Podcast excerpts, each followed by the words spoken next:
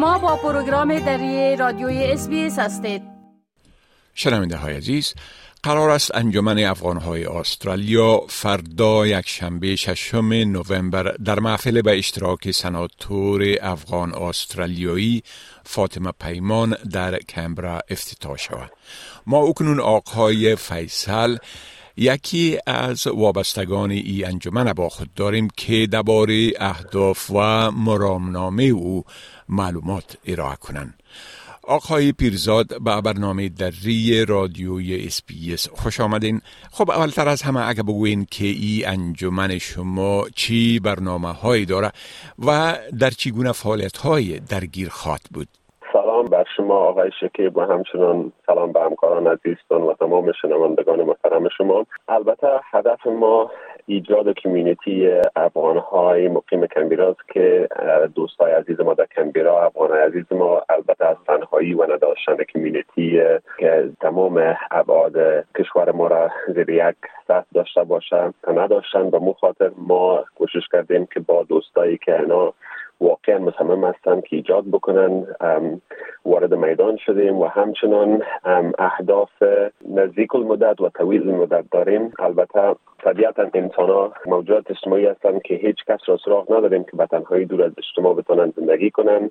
پس به اساس ما انجمن ما در پلان های کوتاه مدت یک روند سرشماری شناخت کامل از دوستا و همچنان پروسه تکامل و به دست آوردن اعتماد و اعتماد سازی و همچنان برنامه ریزی و پلان های طویل المدت ما که البته در مورد پلان های مورد ایجاد سنف های درسی به زمان های ملی کشور و همچنان برای اطفال پروگرام های خاصی در نظر داریم و همچنان یک کوشش می‌کنیم که یکی از امید و آرزوهای های افغانان مقیم کنبیرا هستند که داشته باشند یک مسجد از خود و همچنان فرام نمودن تسهیلات برای تکفین و تدفین و عزاداری برای عزیزان از دست رفته. بله خب فعالیت های ای انجمن شما طبعا منحصر و محدود به کمبرا و قلمرو پایتخت استرالیا خواد بود. اما حتما درباره ای هم فکر کردین که روابط با انجمن ها و سازمان های دیگه در سراسر استرالیا البته انجمن ها و سازمان های افغانی در سراسر استرالیا داشته باشین. بله. بله درست است. البته آقای که ببینین بدون همکاری و هماهنگی با دیگر نهادهای خارج از کنبرایی بر ما یک ضعف ایجاد خواهد کرد. ما از اونا می‌تونیم بسیار بیاموزیم. البته ما امرای انجمن های افغانی یا غیر افغانی البته با ارزش های مشترک اگر داشته باشیم ما همراه چندین نهادهای دولتی و غیر دولتی مانند Red Cross MARSS و Host International Afghan Women on the Move که در نیو ولز هستند و همچنان مرکز اسلامی خود کنبرا و انجمن افغان های مقیم نیو ولز و همچنان انجمن افغان های مقیم ملبورن همچنان به تماس هستیم. انشاءالله ما بتانیم از اونها بیاموزیم و اگر چیز ما در در دسترس خود داشته باشیم همراه از اونها ارائه بکنیم که ما بتانیم یک اجتماع بزرگ بتانیم ایجاد بکنیم. بله. خب تا جایی که ما اطلاع داریم در کمبرا های افغانی دیگه هم وجود داره.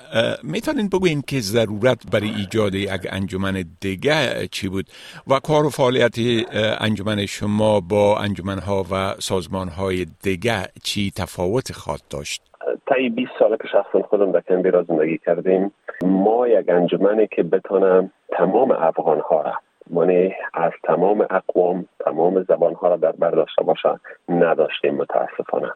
و مو خاطر است که دوستا بس تو آمدن البته این ما را در حالت انزوا قرار دادن. ما داریم البته از برادران دوست هزاری ما ما کمیونیتی وجود داریم. اینجا البته یکی دو تا وجود داره. مگرم یک کمیونیتی که تمام ملیت های افغانستان در در بر داشته باشه و هر کس خود در یک کمیته ببینه ما نداشتیم. پس به این اساس یکی از دلایل عمده و مهم ایجاد کمیونیتی همین است که تمام اخشار کشور عزیز ما افغانستان بهش وجود داشته باشند بله خب در انجمن افغان های در حال حاضر چی تعداد از مردم عضویت دارن؟ البته طبعا تالر افتتاح نشده و حتما اعضا را قبلا جلب کردین. و همچنان اگر بگوین که شرایط عضویت در او چی است؟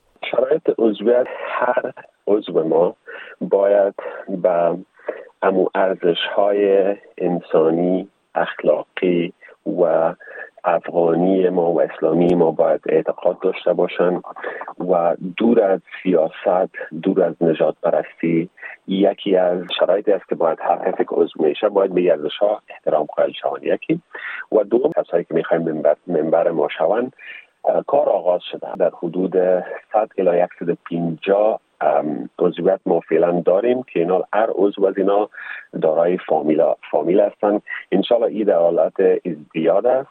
بله خب در مراسم افتتاح انجمن فردا ما قبلا گفتیم که خانم فاطمه پیمان سناتور افغان تبار شرکت خواد کرد.